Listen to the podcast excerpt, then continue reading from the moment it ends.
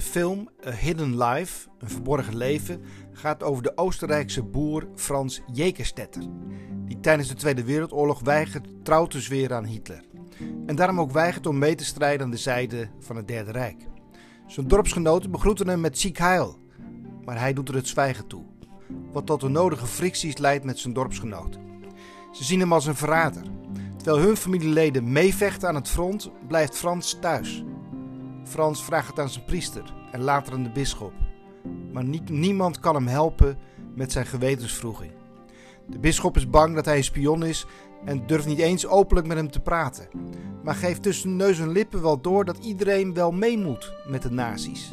Frans weigert en laat zich gevangen nemen. Zijn moeder, die haar man al is kwijtgeraakt in de Eerste Wereldoorlog, lijdt er zwaar onder. Anderen roepen Frans op te denken aan zijn vrouw en drie dochters. Wat moet er van hen worden? Maar zijn vrouw steunt hem in zijn keuze en blijft tot het laatst toe achter hem staan. Zijn advocaat zegt tegen hem: Denk je nou echt dat het iemand iets kan schelen dat jij weigert om mee te doen? Denk je nou echt dat dat zo aan de dijk zet? Dat de wereld daardoor verandert? Je kunt toch ook als verpleger gaan werken? Maar Frans is principieel en weigert water bij de wijn te doen. Hij ziet het als een roeping om zijn Heer hierin te volgen, ook al zou dat desnoods zijn leven kosten. Uiteindelijk kost het hem ook zijn leven en wordt hij onthoofd. Aan het eind van de film zie je in de aftiteling een uitspraak van de Engelse schrijver George Eliot. De groei van het goede in deze wereld is voor een deel afhankelijk van daden die niet de geschiedenisboeken halen. En het feit dat de dingen er voor jou en mij nog niet zo slecht voor staan, dat hebben we grotendeels te danken aan mensen die een goed maar verborgen leven leiden en in onbezochte graven liggen. In 2007 is Frans Jekenstedt door de paus heilig verklaard. Een Hidden Life, een verborgen leven, is een film van Terence Malick, die zijn film baseerde op de briefwisseling tussen Frans en zijn vrouw Fanny.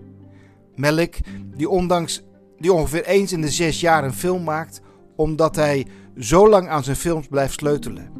Het is dan ook een adembenemend mooie film. Prachtige beelden van de bergen en het boerenleven daarboven in de bergen. Er wordt weinig in gesproken. De film neemt er ook alle tijd voor om je tot stilstand te brengen en je het verhaal in te trekken. Het is een meditatie in beelden. Waarom vertel ik dit? Omdat de hoofdpersoon van deze podcast zich ook intens met deze vraag heeft beziggehouden. Hoe ver ga je in je geloof? Zou je willen sterven voor je geloof? Dat zijn nogal pittige vragen. Ik kan me nog herinneren dat Juffen klas 1, nu groep 3, in plaats van bijbelverhalen graag zendelingenverhalen vertelde. En die liepen ook meestal niet goed af, moet ik eerlijk zeggen. Maar ik vond het prachtige verhalen. En ik denk vooral ook door het avontuur dat me aansprak. Maar er zijn genoeg mensen die bang gemaakt zijn in de kerk of op school met verhalen over wat vervolging in Rusland en China wel niet met mensen gedaan heeft. Een paar jaar geleden kwam er nog zo'n verhaal voorbij van de scholiere Cassie Burnell uit Amerika, die doodgeschoten was op haar school, omdat de schutter gevraagd had of ze in Jezus geloofde. En toen Cassie ja zei, toen schoot hij haar door het hoofd. Wat zou ik gedaan hebben? We zijn snel geneigd om allerlei uitvluchten te bedenken. De schutter is toch redelijk gestoord, moet je die wel een eerlijk antwoord geven? Maar toch, wat zou ik gezegd hebben? Veel mensen herkennen zich in Petrus, de leerling van Jezus, die toen het erop aankwam Jezus niet kende en verlogende. Petrus had nog gezegd, hij wist het zeker, u bent de Christus. Maar toen het ook maar even serieus werd, toen liet hij het afweten. De schrijver die in deze podcast voor het voetlicht treedt is de Japanse schrijver Shushaku Endo. Hij is ook een van de meest bekende Japanse schrijvers in het Westen. Hij heeft grote boeken op zijn naam staan, als Stilte, De Samurai en Het Schandaal. Zijn meeste werk Stilte is ook verfilmd. Silence heet de film, die in 2015 uitkwam. Een aangrijpend intense film. En deze schrijver is dus geïnteresseerd, of zeg maar gerust geobsedeerd door dit soort vragen. Wat heb ik over voor mijn geloof? En is dat eigenlijk wel zoveel? Vallen we ons onszelf voortdurend niet tegen? En daar gaat deze podcast over. Over Shushaku, Shushaku Endo en zijn vragen. Dit is een podcast in de serie Inspirerende Mensen, naar aanleiding van het boek van Philip Yancey, Hoe mijn geloof de kerk overleeft.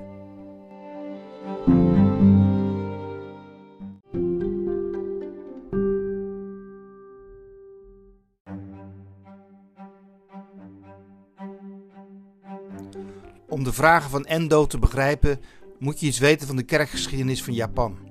In de 16e eeuw leek Japan een van de vruchtbaarste zendingsgebieden te zijn. In die tijd. Francis Xavier, een van de eerste zeven Jezuïeten die voet aan land zetten in Japan, vertelt ergens dat er binnen een generatie 300.000 mensen tot geloof gekomen waren en dat de kerk groeide als kool. Tegen het einde van de 16e eeuw begon de shogun echter er zich mee te bemoeien. Shogun betekent letterlijk de legerleider die de barbaren verslaat. En de shoguns hadden het niet zo op al die buitenlandse inmenging en maakten korte metten met het christendom. De Jezuïeten werden verdreven en de shoguns eisten dat alle christenen afstand deden van hun geloof. Er vonden al snel 26 kruisigingen plaats om de ernst van de zaak duidelijk te maken. En zo brak er een tijd van zware vervolging aan. Als ultieme geloofstest werd de fumue gebruikt. Een bronzen portret van Jezus of van Maria en het kind, bevestigd in een houten frame. En Japanners die bereid waren op de fumue te gaan staan, werden tot afvallige christenen verklaard en gingen vrij uit. Wie dat weigerde, werd door de shoguns gedood. Sommigen werden in zee aan een paal gebonden, afwachting van de vloed die hen langzaamaan zou doen verdrinken. Anderen werden vanuit vlotten overboord gegooid in de open zee. Weer anderen werden verbrand in kokend hete bronnen. Er is een bekend gezegde van de kerkvader Tertullianus. Het bloed van de christenen is het zaad van de kerk. Dus niet in Japan, waar de kerk succesvol werd uitgeroeid door de wrede shoguns van die tijd. Nou ja, uitgeroeid, bijna uitgeroeid. Toen de katholieke kerk aan het einde van de 19e eeuw toestemming kreeg om in Nagasaki voor westerse bezoekers kerkdiensten te houden, toen zagen de priesters tot hun verbazing Japanse christenen uit de bergen tevoorschijn komen. Het waren Kakure Kirishintans, oftewel crypto-christenen, die 240 jaar lang in het geheim bijeengekomen waren en zo het christelijk geloof met elkaar levend hadden gehouden. Ze hadden geen Bijbel gehad, geen gebedenboek. Dat had er wel voor gezorgd dat het wat vermengd was geraakt met allerlei inheemse Japanse stromingen. Ze vereerden een kastgod, een bundeltje doeken dat om christelijke medaillons en beeldjes werd gewikkeld. En dat werd allemaal verborgen in het kastje. Het kastje was een vermomming omdat ook boeddhisten zo'n kistje gebruiken eh, voor hun godsdienst. De jonge schrijver Shushaku Endo komt in een museum in Nagasaki zo'n fumue tegen. Leest het verhaal wat erachter zit en raakt daardoor dus geobsedeerd. Hij ziet dat deze oude bronzen beelden bijna helemaal afgesleten zijn. Dat je nauwelijks nog de figuur van Maria met het kind kunt herkennen. Door alle afdrukken van zoveel voeten van christenen op dat beeld. En Endo vraagt zich af: wat zou ik gedaan hebben? En hij vraagt zich ook af: wat zal er door deze mensen heen gegaan zijn die op dat beeld zijn gaan staan en daarmee hun geloof aflegden en hun Heer verlogenden? In de boeken over de kerkgeschiedenis worden alleen de martelaren vermeld, niet de lafaards, die weigerden voor hun geloof te sterven. En Endo besloot om uitgerekend hun verhaal te vertellen. En dat heeft hij in zijn boeken Stilte en de Samurai ook gedaan.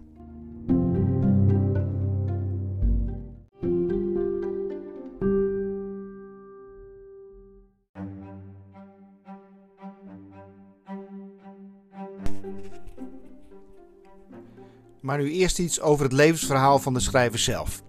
Hij is geboren in 1923 en tot zijn tiende opgegroeid in Manchurije, een regio in China.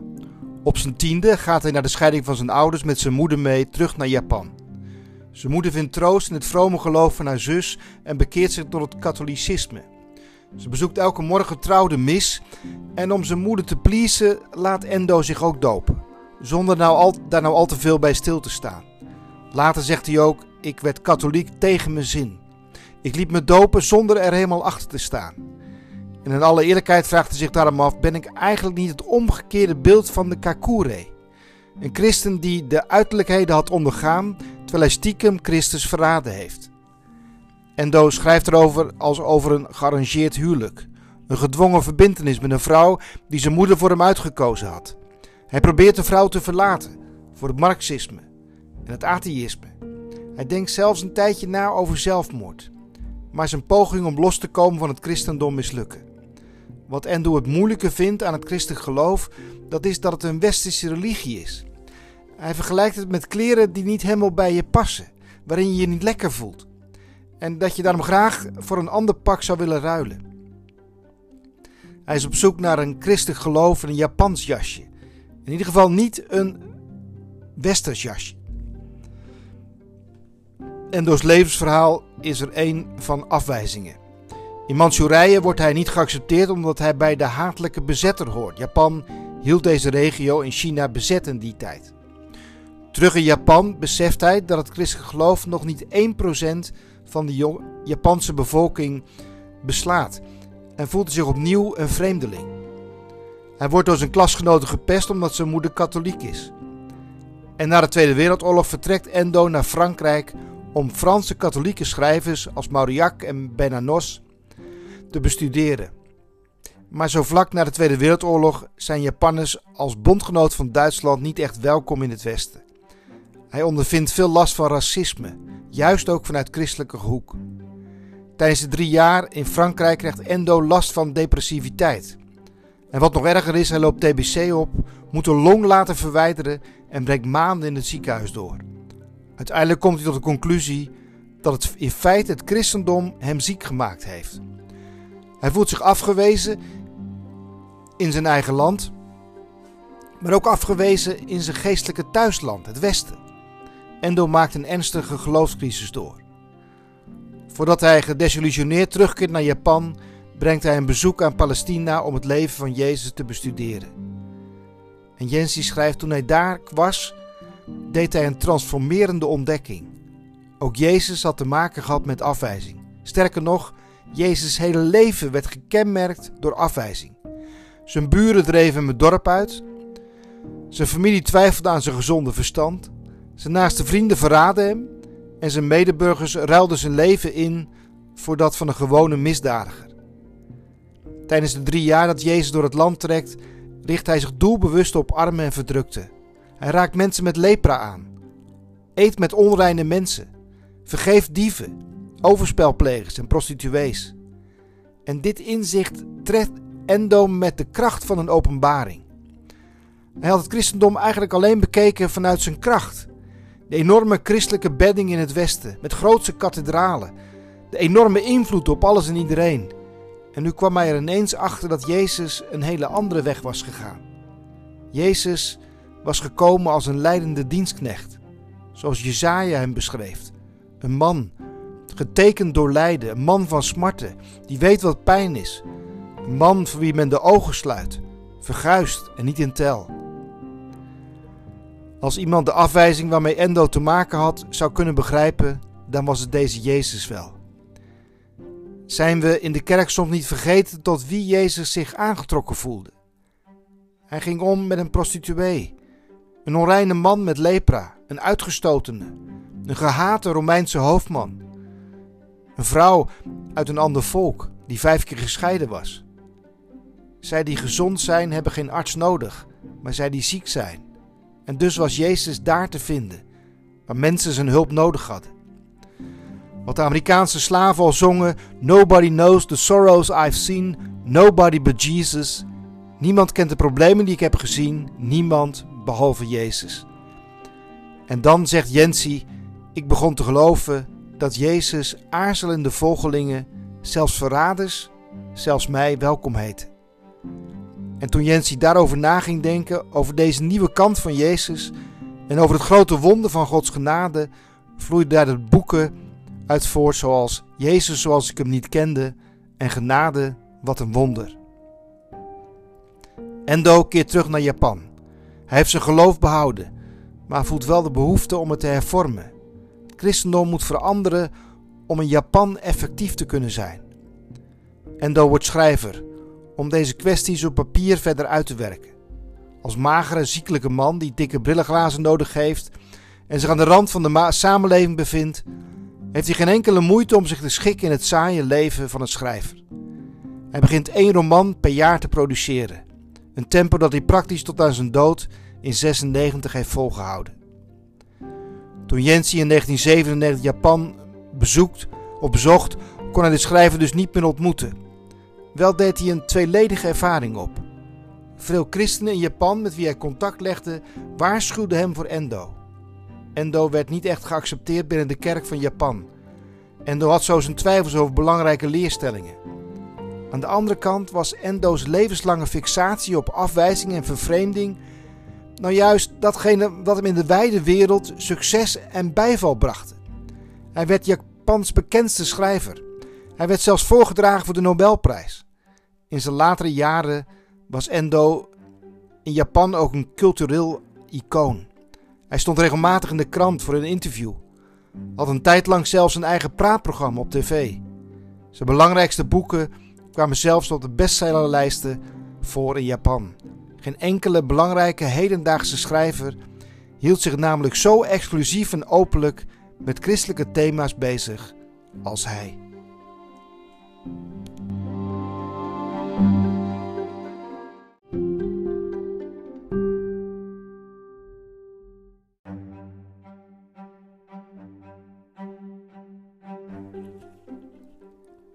Endo spreekt tot het innerlijk van de mens, waar zijn gevoelens van schaamte en afwijzing verborgen liggen.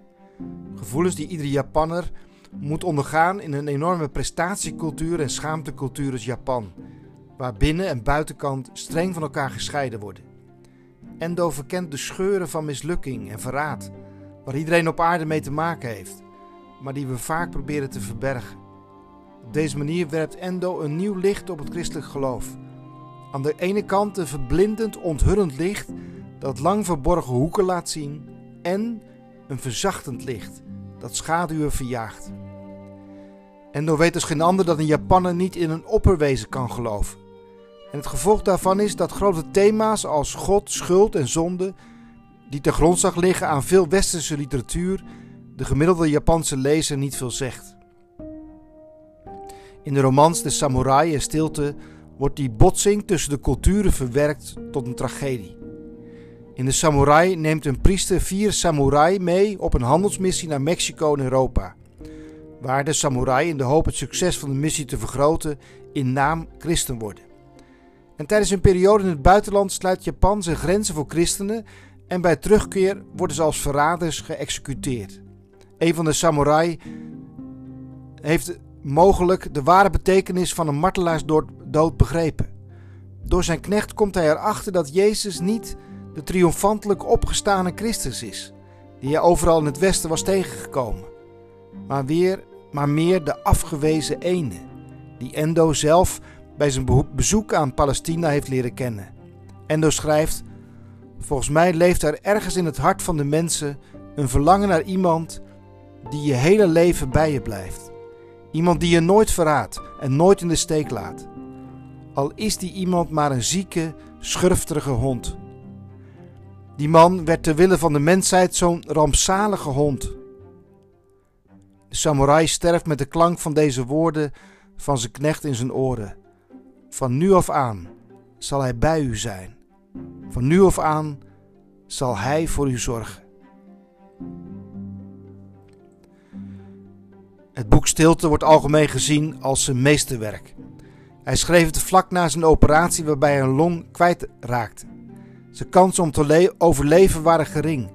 Bovendien was hij ontzettend bang voor pijn. En over pijn en doodsangst gaat het vervolgens in deze roman. Het speelt zich af dus aan het begin van de 17e eeuw en gaat over een Portugese priester, Rodrigo, die naar Japan reist om daar zijn leermeester Ferreira te zoeken. Het gerucht gaat dat zijn leermeester is gefolterd en van zijn geloof is afgevallen. Rodrigo wordt verraden en opgepakt door de shogun. Hij houdt echter vast aan zijn geloof, zelfs als hij gemarteld wordt. En zelfs als hij met een ondraaglijk moreel dilemma geconfronteerd wordt. Als Rodrigo bereid is om op de Fumue te gaan staan, dan zullen andere Japanse christenen die opgepakt zijn gespaard worden. Als hij weigert, dan worden ze voor zijn ogen gedood. Zoals de titel al aangeeft, gaat het in deze hele roman over de stilte. Rodrigo ziet telkens het gezicht van Jezus voor zich. Een gezicht dat hij lief heeft en dient. Maar het gezicht zegt niets. Het blijft stil, ook wanneer hij voor zijn, voor zijn ogen medechristenen ziet sterven. Het zwijgt wanneer hij om leiding vraagt, wat hij moet doen. Op de fumue gaan staan of niet. Je voelt wel aan het lezen van dit boek is voor mensen met een sterke maag. In 2015 is het boek dus ook verfilmd, Silence heet het. Ook daarvan gaat een beklemmende werking uit. Otte zegt in zijn boek Waarom komt u ons hinderen? Endo is ook voor Otte een geloofsheld. Het draait bij Endo om mensen van wie je als lezer of als kijker van de film eigenlijk niet begrijpt waarom ze zich zo vastklampen aan hun overtuiging. Endo's angst voor fysiek lijden is autobiografisch en dat voel je. Het is volstrekt duidelijk dat hij in het ziekenhuis gekweld werd door diezelfde vraag. Zou ik mijn geloof behouden als ik wist dat mijn lijden zou ophouden zodra ik mijn geloof logende? Endo vraagt zich met Rodrigo af, zegt Otte, wat geloof nou eigenlijk betekent. Als je weet dat je zult breken zodra je de beul maar ziet. Uiteindelijk ontmoet Rodrigo zijn leermeester Ferreira. Het gesprek tussen beide mannen kan op één lijn geplaatst worden met Dostojevskis verhaal van de grootinquisiteur. Tot zijn afschuw hoort Rodrigo dat zijn leermeester zijn geloof verzaakt heeft. Na nog geen vijf uur boven de kuil gehangen te hebben. Dat was een vrede uitvinding van de shoguns, iemand boven zijn eigen kuil te laten hangen, je in het oor te snijden zodat je langzaam zou leegbloeden. Ferreira dringt er bij Rodrigo op aan om ook maar op de fumue te gaan staan. Hij zegt het is maar een symbool, een externe handeling. Je hoeft het niet te menen. En er zullen zoveel levens door gered worden. Er is niets menselijkers dan Rodrigo's angst en bereidheid om te logenen. Tegelijkertijd weet je dat er niets droevigers is. Endo ontkent niet dat Rodrigo uiteindelijk een logenaar is, een verrader, een schuldige.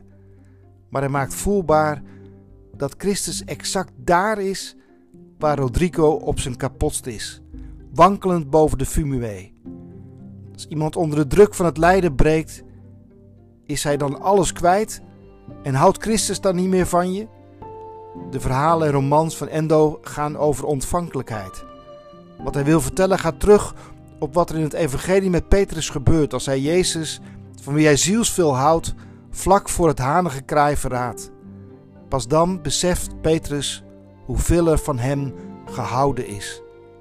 In het christendom heet deze ontvankelijkheid genade. Endo heeft erover geklaagd dat stilte vanwege de titel verkeerd begrepen was. De mensen gaan ervan uit dat God zwijgt, terwijl God in het boek wel degelijk iets zegt. Precies op het moment waarop Rodico op de Fimue wil trappen, praat de man op de koperen plaat onder hem terug. En die man zegt: Trap maar, trap maar. Ik ken de pijn in je voet het allerbeste. Trap maar, ik ben in deze wereld geboren om door jullie vertrapt te worden. Om in jullie pijn te delen, heb ik het kruis op mijn rug gedragen. En dan staat er: De ochtend brak aan toen de priester zijn voet op de fumue zette. In de verte kraaide een haan. Otte schrijft: Van Endo kun je hetzelfde zeggen als van Dostojevski. Hij daalt zo diep in het geloofsverlaten hart van mensen af, omdat hij het touwtje van zijn geloof vasthoudt. Dieper dan een auteur zonder verlangen naar verlossing en vergeving. Er zijn veel moderne schrijvers die schrijven over het kwaad in de mens, omdat de mens nu eenmaal geprogrammeerd is tot het kwaad. Bij Endo zijn mensen geneigd tot het kwaad. En daar komt de eigen verantwoordelijkheid van de mens veel meer tot zijn recht. En dat zorgt ervoor dat een mens zich ook echt kan verliezen en kan kwijtraken door verkeerde keuzes te maken.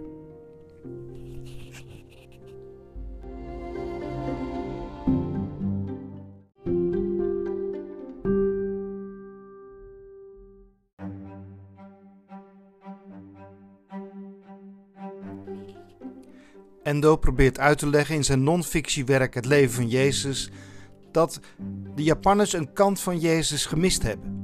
Ze hebben vooral zijn grootheid en verhevenheid gezien als opgestaande Heer. die weerspiegeld werd in de grote kathedralen in West-Europa. En waar al die Japanners foto's van maken. Maar ze hebben de boodschap gemist dat Christus zijn grootheid opgegeven heeft door de gestalte van een slaaf aan te nemen. De boodschap van Gods Zoon die ontredderd huilde toen hij Jeruzalem naderde. Endo zoekt het aanknopingspunt met zijn landgenoten in ervaringen van falen en schaamte, omdat die aspecten het meest blijvende invloed hebben op iemands leven. Mensen die op, zijn opgevoed in een boeddhistische cultuur kunnen zich volgens Endo het beste identificeren met iemand die met ons meeleidt en ruimte laat voor onze zwakheden. Voor Endo is de onsterfelijke liefde van Jezus voor mensen het hoogtepunt van het evangelie. Zijn liefde, zelfs voor mensen die hem verraden hebben. Hij spreekt Judas, toen hij met soldaten in de hof van Gethsemane aankwam zetten, aan met vriend.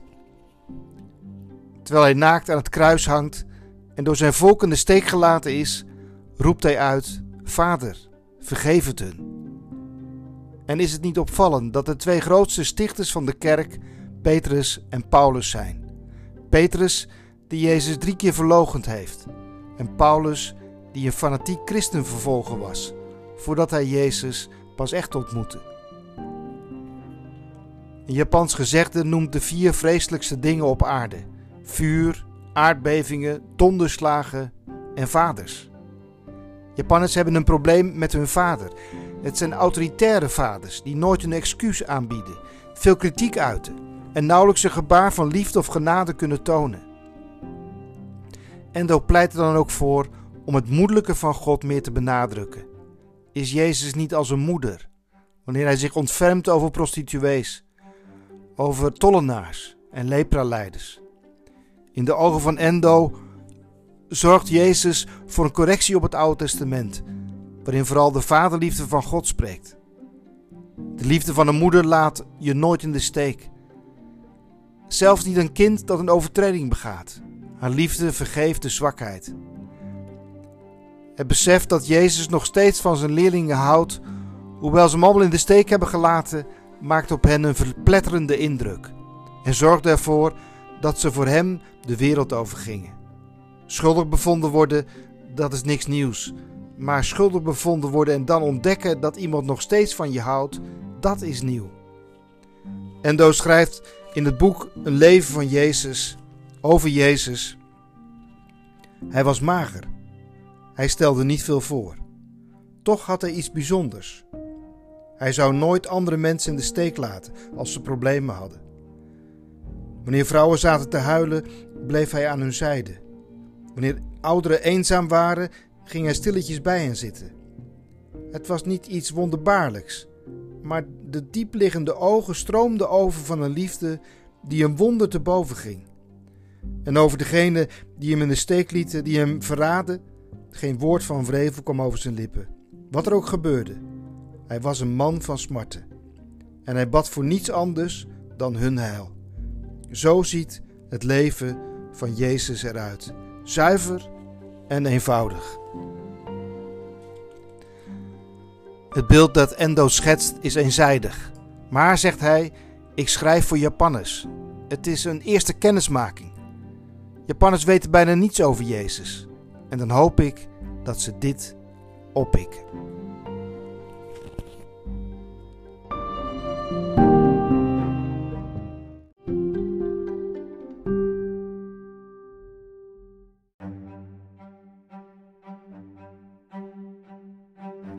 Een van zijn laatste romans is de roman Schandaal.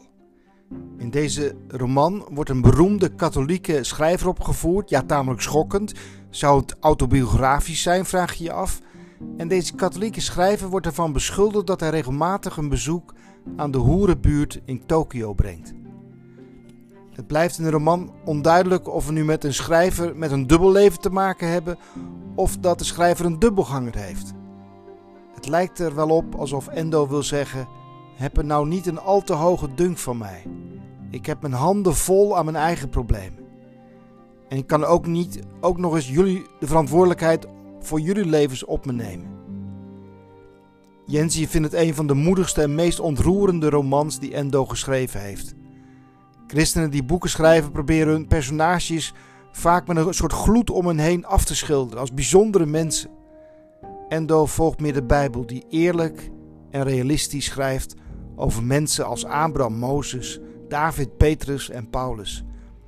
Uiteindelijk wil Endo in veel van zijn verhalen duidelijk maken: bij God is er ruimte voor figuren als Petrus.